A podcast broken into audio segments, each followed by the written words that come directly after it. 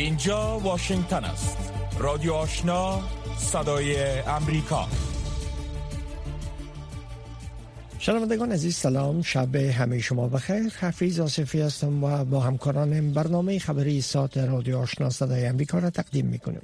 در سرآغاز برنامه خبری ساعت تازه ترین خبرهای افغانستان منطقه و جهان را از نسرین محمود عزیزی میشنوید. با تقدیم سلام بر شنوندگان گرامی. ایون و پیدرسون وزیر دولت در وزارت امور خارجه نروژ به روز شنبه در صحبت با روزنامه دگ گفته است کشته شدن ایمن الزواهری رهبر شبکه القاعده در افغانستان این را ثابت کرد که طالبان هنوز هم با این گروه به تماس است. ادعایی که طالبان پیش از این بارها آن را رد کردند روزنامه دگ از قول آقای پیدرسن نوشته است که حضور زواهری در کابل نشان دهنده آن است که رغم وعده طالبان مبنی بر عدم تبدیل شدن افغانستان به پناهگاه سازمان های تروریستی بین المللی هنوز تماس بین طالبان و القاعده وجود دارد. هرچند سخنگویان طالبان هنوز به گونه مشخص در مورد اظهارات وزیر دولت در وزارت خارجه نروژ با پرسش های رادیو آزادی پاسخ ندادند اما پیش از این در بیانیه های مختلف گفتند که گروه القاعده در افغانستان حضور نظامی ندارد. مقامات ایرانی از آزادسازی آب بند کمال خان در ولایت نیمروز خبر داده و می‌گویند که در حال حاضر آب این بند وارد ولایت سیستان و بلوچستان آن کشور شده است. حسن کاظمی قومی نماینده ویژه ایران در امور افغانستان در صفحه تویترش گفته است که پس از رهایی آب بند کمال خان توسط طالبان این آب روز شنبه ششم آگست به ولایت مرزی ایران رسیده است. او افزوده است با تعامل مستمر دیپلماتیک و بهرهگیری از ظرفیت دیپلماسی عمومی و هماهنگی میان دستگاه در سطح ملی آب رهاسازی شده از سمت افغانستان وارد چهارنیمه های سیستان شد. آقای قومی اضافه کرد که رایزنی ها با مقامات طالبان درباره تثبیت جریان پایدار آب از دریای هرمن به آن کشور جریان دارد. مقامات طالبان تاکنون درباره رهایی آب بند کمالخان به سمت ایران ابراز نظر نکردند. بعضی از باشندگان ولایت نیمروز نیز گفتند که دریچه های بند کمالخان از روز شنبه بدین سو بازگردیده و در حال حاضر آب این بند به سمت ایران جریان دارد. پس از حاکمیت طالبان بر افغانستان مقامات ایرانی و این گروه چندین بار درباره حقابه ایران از دریای هرمن گفتگو کرده و طالبان متعهد شدند که آنان بر تطبیق معاهده 1351 خورشیدی بین افغانستان و ایران در مورد حقابه آن کشور از دریای هرمند موافقت کامل دارند در جریان حدود یک سال گذشته این دومین بار است که طالبان دریچه های بند کمال خان را باز کرده و آب آن را به سمت ایران رها کرده اند. همزمان با ادامه حملات در کابل سازمان همکاری های اسلامی و هیئت معاونت سازمان ملل متحد یا یونما در کابل ضمن ابراز غمشریکی با بستگان قربانیان از طالبان خواستند که امنیت شهروندان آن کشور را تأمین کنند. همزمان با فرارسیدن دهم محرم و تدلیل از این روز کابل در دو روز گذشته شاهد دو انفجار مرگبار بود که در اثر آن ده غیر نظامی کشته و زخمی شدند. مسئولیت این حملات را داعش به عهده گرفته است. انفجار دیروز حوالی ساعت سه و سی دقیقه در منطقه پل سوخته از مربوطات حوزه ششم امنیتی شهر کابل به وقوع پیوست که با گفته منابع صحی در نتیجه آن دست کم هشت نفر کشته و 22 نفر زخمی گردیدند. طالبان تنها کشته شدن دو نفر را تایید کردند. انفجار روز جمعه پنجم آگست نیز در منطقه سر کاریز از مربوطات ناحیه ششم شهر کابل هشت کشته و کم از کم هجده زخمی بر جا گذاشت. سازمان همکاری های اسلامی روز یک شنبه هفتم آگست در اعلامیه از ادامه حملات خشونت آمیز در کابل ابراز نگرانی کرده و گفته است که این انفجارها امنیت پایتخت افغانستان را متزلزل کرده است. این سازمان حملات اخیر داعش را منعکس کننده بیثباتی مداوم در افغانستان عنوان کرده و از طالبان خواسته است که برای جلوگیری از چنین رویدادها و به هدف جلوگیری از تلفات غیر نظامیان اقدامات جدی را روی دست گیرند. کمشنر عالی ملل متحد در امور پناهندگان از امضای یک توافقنامه یک میلیون دلاری با بنیاد سلطنتی بشر دوستانه RHF که یک بنیاد بحرینی می باشد برای حمایت از تلاش های امدادی در مناطق زلزله زده افغانستان خبر داد. این کمیشنری روز یک شنبه هفتم آگست در اعلامیه گفت به اساس این توافق نامه که در کابل امضا شد بنیاد سلطنتی دوستانه بحرین از تلاش های امدادی کمیشنری عالی ملل متحد در امور پناهندگان در مناطق جنوب شرقی افغانستان حمایت می کند. این مناطق در اواخر ماه جون شاهد زلزله مرگباری بود که به اساس آمار سازمان جهانی صحت بیش از یک هزار کشته و سه هزار زخمی بر جا گذاشت. لیونارد زولو نماینده کمیشنری عالی ملل متحد در امور پناهندگان در افغانستان گفته است این کمک سخاوتمندانه ساخت خانه های مقاوم در برابر زلزله خدمات حفاظتی تهیه فوری ترین نیازها و تحویل اقلام ضروری کمکی به ساکنان زلزله زده در سه ولسوالی آسیب دیده در جنوب شرق افغانستان گیلان و برمل در پکتیکا و اسپیره در ولایت خوست را حمایت می کند.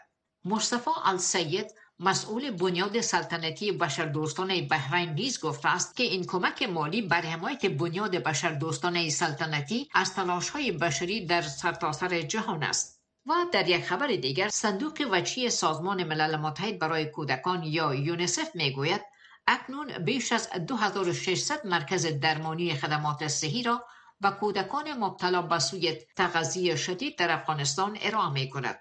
میلانی گالون مسئول بخش سوی تغذی در دفتر یونسف در افغانستان می‌گوید سال گذشته شمار مراکز درمانی کودکان سوی تغذی به کمی بیش از 1400 می رسید.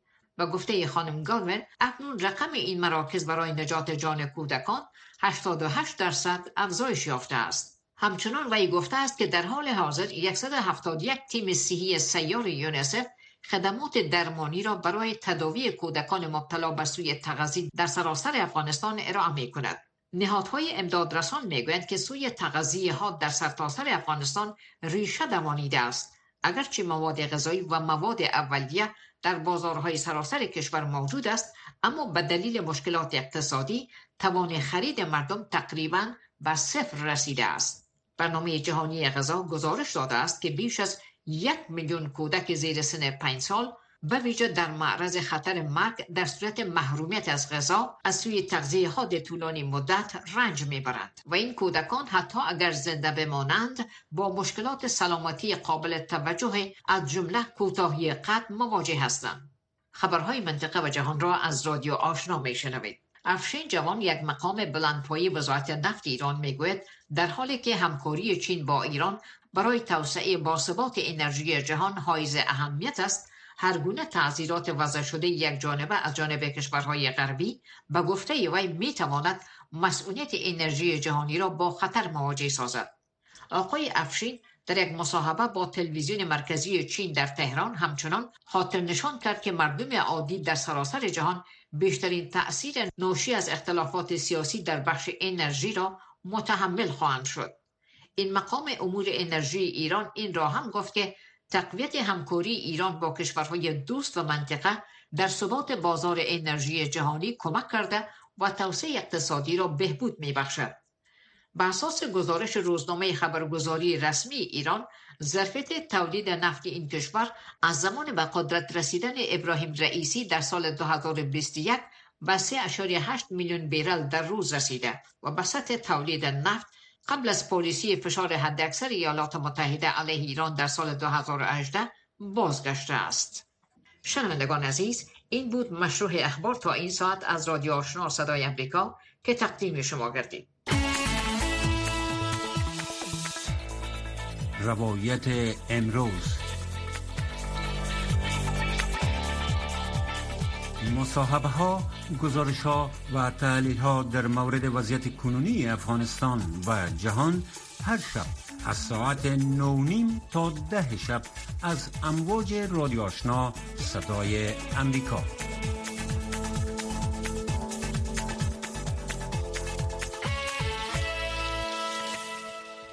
خبرهای افغانستان منطقه و جهان از رادیو آشنا صدای امریکا شنیدین آل هم گزارش های ای برنامه. جنگ افغانستان ممکن تمام شده باشد اما روابط میان نظامیان زن امریکایی و بانوان افغان که در صف اردوی افغانستان در کنار آنان خدمت می کردن تمام نشده است.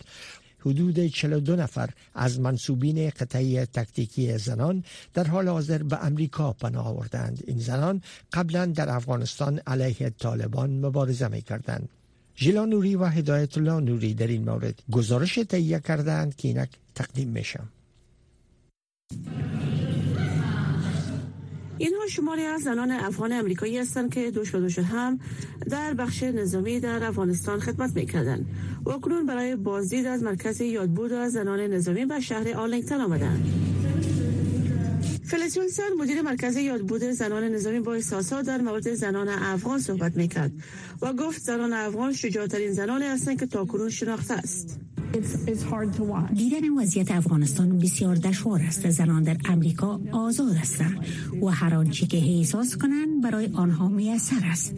فرصت کار و تحصیل در کالج و پنتون ها را دارند و هر چی بخواهند از آن خودشان است. ما تلاش کردیم زنان افغان این فرصت ها را تجربه کنند. اما با برگشت طالبان به عرصه قدرت بسیار دشوار شده است و قلبم برای زنان افغان مشکند طی 20 سال جنگ در افغانستان شماری از زنان افغان به اردوی افغان پیوستند. آنها در برنامه های آموزشی نظامی به شمول خدمات پیاده و قوای هوایی شامل شدند. در میان یک از زنان افغان و عضو سابق اردوی افغانستان می‌گوید با آمدن طالبان روی های آنها نقش براب شده است و از آینده نامعلوم زنان افغان نگران است. من فرهنگ خود اعلا کردم کلچر خود اعلا کردم. 20 سال زحمت شبان روزی خود پشت سر گذراندم و همه امیدها به صفر تبدیل شد. شماری از زنان نظامی مانند ربکا ادموندسون معتقد است که زنان نقش بسیار مهم را در مبارزه با طالبان بازی کردند و با نجات جان آنها در تخلیه نابسامان توانستند که این افراد را کمک کنند. آنچه که از نظر نظامی نیاز بود برایشان یاد دادم.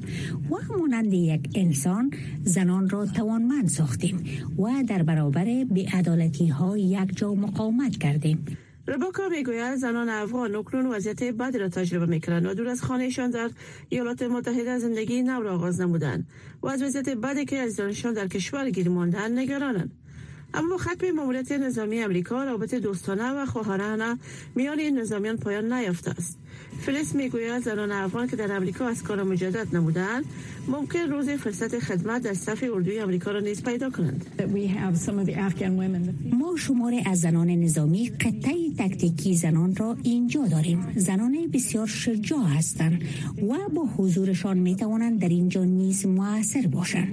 ما آنچه که برای این زنان انجام می دهیم برایشان روحیه می دهیم حدود 42 نفر از زنان نظامی پیشین جز قطعه تاکتیکی زنان اکنون در امریکا جابجا شدند. اونها کسان هستند که در حملات شبانه سهم می گرفتند و در اردوی افغان خدمت می کردند و شمال از آنها را طالبان دستگیر و کشتند. اکنون نیز بیشتر هدف قرار می گیرند اکنون زنان افغان که در امریکا مستقر شدهاند ما تلاش می نماییم تا برای آنها و سایر نظامیانی که در افغانستان خدمت کردهاند کمک کنیم. آنها باید بدانند که زنان را فراموش نمی کنیم نیکولگی یکی از نظامیان پیشین امریکایی که در صف اردوی امریکا در حمله بر میدان هوایی کابل در پروسه تخلیه جان باخته است. و این زنان هستند که در صف اردوی امریکا در مبارزه برای آزادی ها و در مبارزه با دهشت در نقاط مختلف جهان و شمول عراق و افغانستان جان باختند. و هنوز هم در صف اردوی امریکا خدمت می‌کنند. شنوندگان گرامی رادیو آشنا صدای امریکا نشرات رادیو آشنا را در موج متوسط 1296 موج کوتاه 11575 اشاری سفر و در موج 972 کیلوهرتز شنیده می توانید. با انفجارها و حمله بر ازاداران شیعه در کابل بحث امنیت در روزهای محرم در افغانستان از سوی طالبان مطرح شده است. در حالی که انفجار در چند روز گذشته در کابل ده ها کشته و زخمی بر جا گذاشت سرپرست وزارت دفاع حکومت طالبان ادعا می‌کنه که امنیت در افغانستان با روی کار آمدن اونا صد درصد تامین شده. در این رابطه قدیر مشرف مصاحبه با هاشم دانش تحلیلگر مسائل سیاسی و امنیتی انجام داده که با هم بشنویم. از آغاز حاکمیت طالبان تا کنون ای گروه موجودیت و فعالیت گروه داعش کمرنگ جلوه دادن. مسئولیت حمله دیروز در شهر کابل نیز داعش به عهده گرفت. تا به حال هم مسئولیت حمله امروز کسی به عهده نگرفته. فکر می‌کنین آیا طالبان قادر به مهار حملات داعش در ایام محرم باشند؟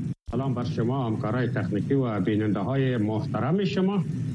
یقین و باور کامل داریم که طالبا بر کنترل وضعیت امنیتی افغانستان موفق نیستند. در مدت یک سالی که اینا به قدرت رسیدن با وصف اینکه زیر ساختای بسیار قوی امنیتی در خدمتشان قرار داشتن ولی با آن هم نتانستند در مورد امنیت موفق باشد. دلایل هم است که طالبا در مدت یک سال افغانستان را به مرکزی گروپ های تروریستی بدل کردن شما شاهد هستید که تمام امار و ارقام نشان میده که حداقل 21 گروه تروریستی در افغانستان فعالیت علنی دارند و شمول القاعده و اینا.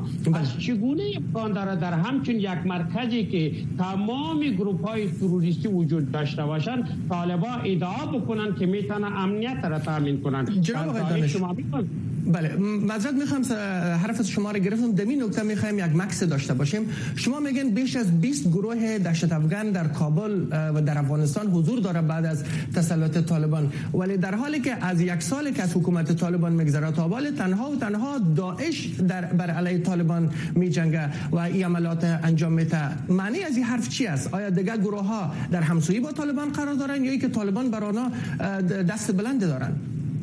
نه در بغیر از داعش که در علاقات مشخصش در مخالفت با رژیم طالبان هستند دیگر تمام گروپ هایی که همراه طالبان در افغانستان همکار هستند و کار کردن و حتی در مبارزه 20 ساله بر ضد حکومت های گذشته و ناتو اینا همکار بودند. در سنگرها با یک جای به طالبا می جنگیدن یگانه علتی هم که طالبا به این گروپ های تروریستی نمی‌تونن قطع رابطه بکنن که طالبان خود را مدیون احساس احسان گروه ها می‌دانند که در جنگ ضد امریکا با ما همکار بودند. چگونه ما بخوایم اینا را امروز از بله. افغانستان دعا بدیم یگانه علتی که افغانستان به گروپ لانه گروپ های تروریستی بدل شدن امی گپ است جناب آقای دانش قسمی که در خبر هم شنیدن طالبان تا هنوز موجودیت الزوایری را در کابل تایید نکردن حمله اخیر در کابل هم که صورت گرفت آیا طالبان در تغییر تعاملاتشان با گروه های مختلف شبه نظامی و دشت افغان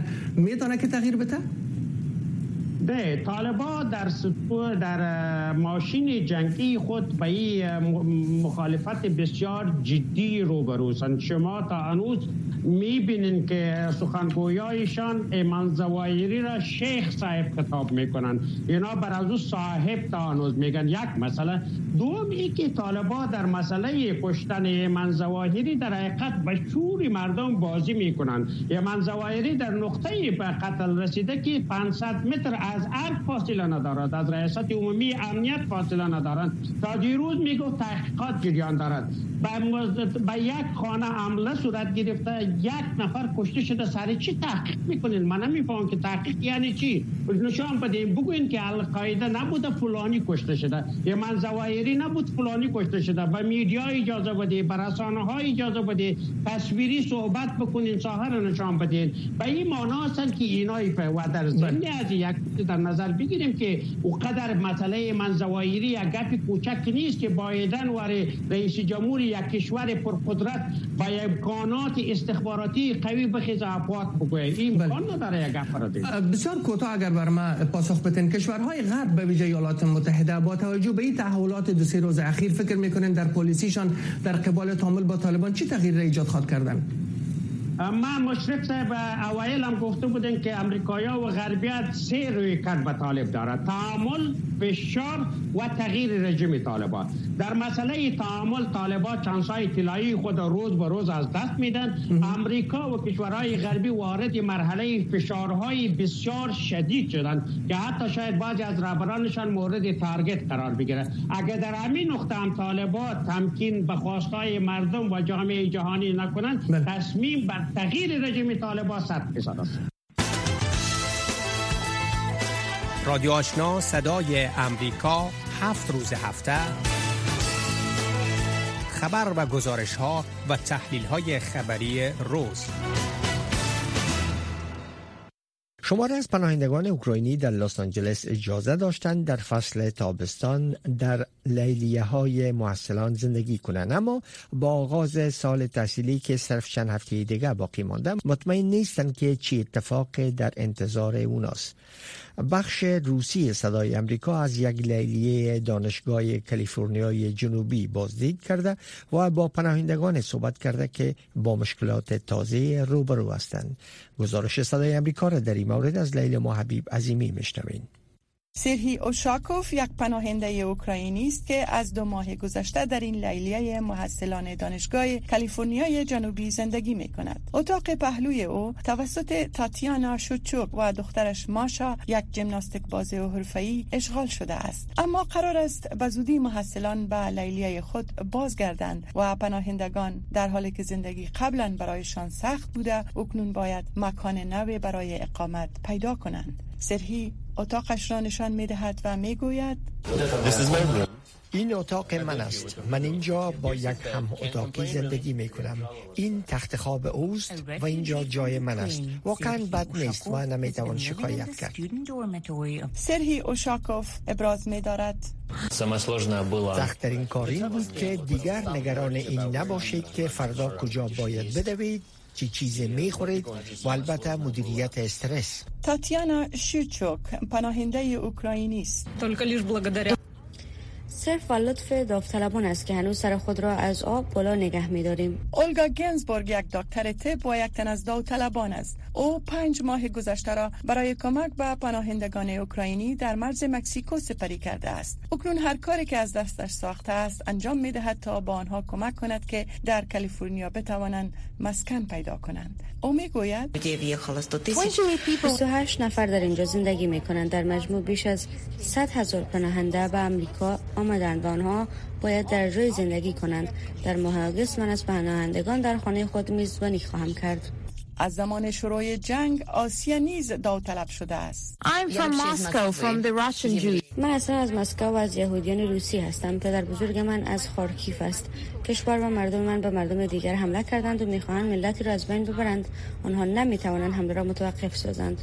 داوطلبان می‌گویند که در تلاش آن هستند تا پناهندگان مجوز کار در ایالات متحده را دریافت کنند و این ترتیب آنها می توانند هزینه های مخارج خود را تأمین کنند و هزینه های اقامت را نیز بپردازند. اما این روند ساده نیست. یولیا بیکبووا وکیل مهاجرت است. او می‌گوید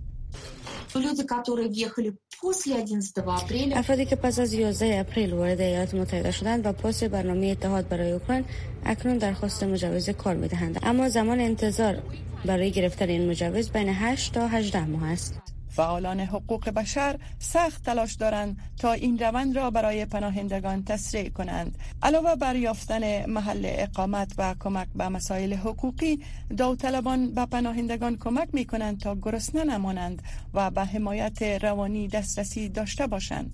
در حال حاضر داوطلبان در حال جمع کمک های مالی برای کمک به پناهندگان در یافتن محل اقامت در خزانه امسال هستند.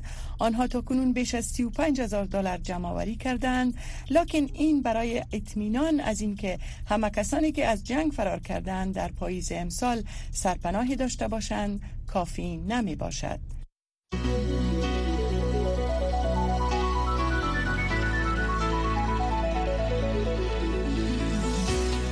صدای امریکا در فیسبوک facebook.com slash دری. به اساس گزارش ها هدف از برای انداختن مانورهای نظامی چهار روزه در اطراف تایوان از سوی چین در واکنش به سفر نانسی پلوسی رئیس مجلس نمایندگان ایالات متحده در حال صورت گرفته است که باشندگان هیسین چوی تایوان نگران نیستند زیرا قرار بود تمرین ها در روز یک شنبه به پایان برسه گزارش را در این مورد از عبدالواجد عادل میشنویم رهبران سیاسی جهانی بسیاری از کشورها روز شنبه ایالات متحده را به خاطر سفر نانسی پلوسی رئیس مجلس نمایندگان به منطقه تایوان سرزنش کرده و بر پابندی قاطعانه آنها به اصل چین واحد و حمایت خود از چین در حفاظت از حاکمیت ملی و تمامیت ارضی این کشور تاکید ورزیدند.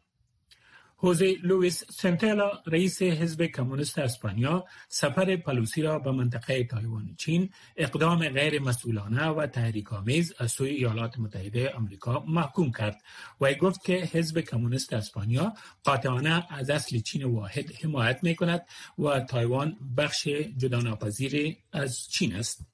Questa è una visita di Nancy Pelosi a Taiwan molto grave هدف اصلی سفر پلوسی تحریک چین است این اقدام بسیار غیر مسئولانه است این رفتار اوضاع پیچیده بین المللی را جدیتر می سازد و در امور داخلی چین مداخله می کند تایوان بدون توجه به تاریخ و فرهنگ بخش از چین است این اجماع عمومی جامعه بین المللی است کریسی پرات جونیور منشی عمومی جنبش سوسیالیست گانا گفت که دیدار نفرت انگیز پلوسی مستحق شدیدترین محکومیت است. What the uh, American uh, visit uh, means now is سفر نانسی پلوسی آشکارا توهین به منشور سازمان ملل متحد و تمام های نظم بین المللی و دیپلماسی و غیره است. باید توسط همه مردم صلح‌دوست در همه جای دنیا محکوم شود. کوسماس مسمالی منشی عمومی حزب سوسیالیست در زامبیا گفت سفر پلوسی به تایوان چین یک عملیات کاملا برنامه ریزی شده است. و چنین اقدام نفرت انگیز برخلاف روند عمومی صلح و توسعه جهانی است و باید توسط جامعه جهانی به شدت محکوم شود. The whole world has come to accept that um, China is to uh, و این تحریک بخش از یک حرکت حساب شده نخبگان سیاسی امریکاست. بنابراین برای ما به عنوان حزب سوسیالیست این یک تحریک بسیار بسیار جدی است. یک تحول بسیار جدی که به خوبی برای صلح جهانی صحبت نمی کند. موسو مالی رئیس جمهور سابق بولیویا خوان ایوو مورالس آیما رئیس جنبش سوسیالیزم گفت که سفر پلوسی به تایوان یک تحریک سیاسی بزرگ علیه چین و نقض حاکمیت و تمامیت ارضی چین است. کیونگ کینگ سینگ رئیس حزب دموکراتیک مترقی مالیزیا و نماینده خاص صدر این کشور به چین گفت که سفر پلوسی از تایوان چین نقض جدی اصل چین واحد و سه اعلامیه مشترک چین امریکاست. وینستون الاکان از حزب کمونیست اکوادور گفت که سفر پلوسی به تایوان اصل چین واحد که عموما توسط جامعه جهانی به رسمیت شناخته شده است را زیر پا می‌گذارد و این یک تحریک برای حاکمیت و تمامیت ارزی چین است و صلح جهانی را به خطر می اندازد.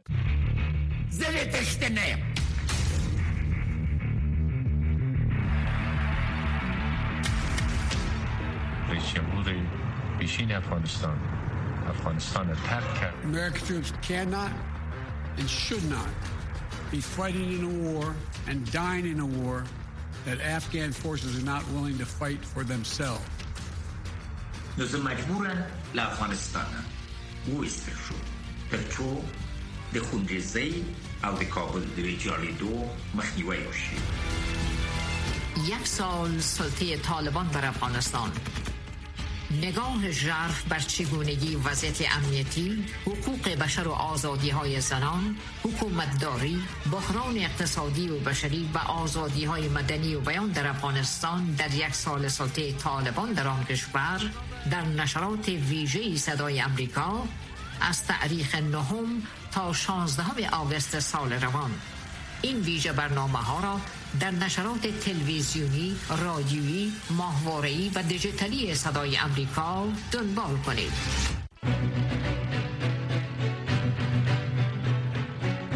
شنوندگان عزیز ای بود داشته های برنامه خبری که در همینجا به پایان رسید. اما نشرات پشتو و دری رادیو آشنا صدای امریکا همچنان ادامه داره.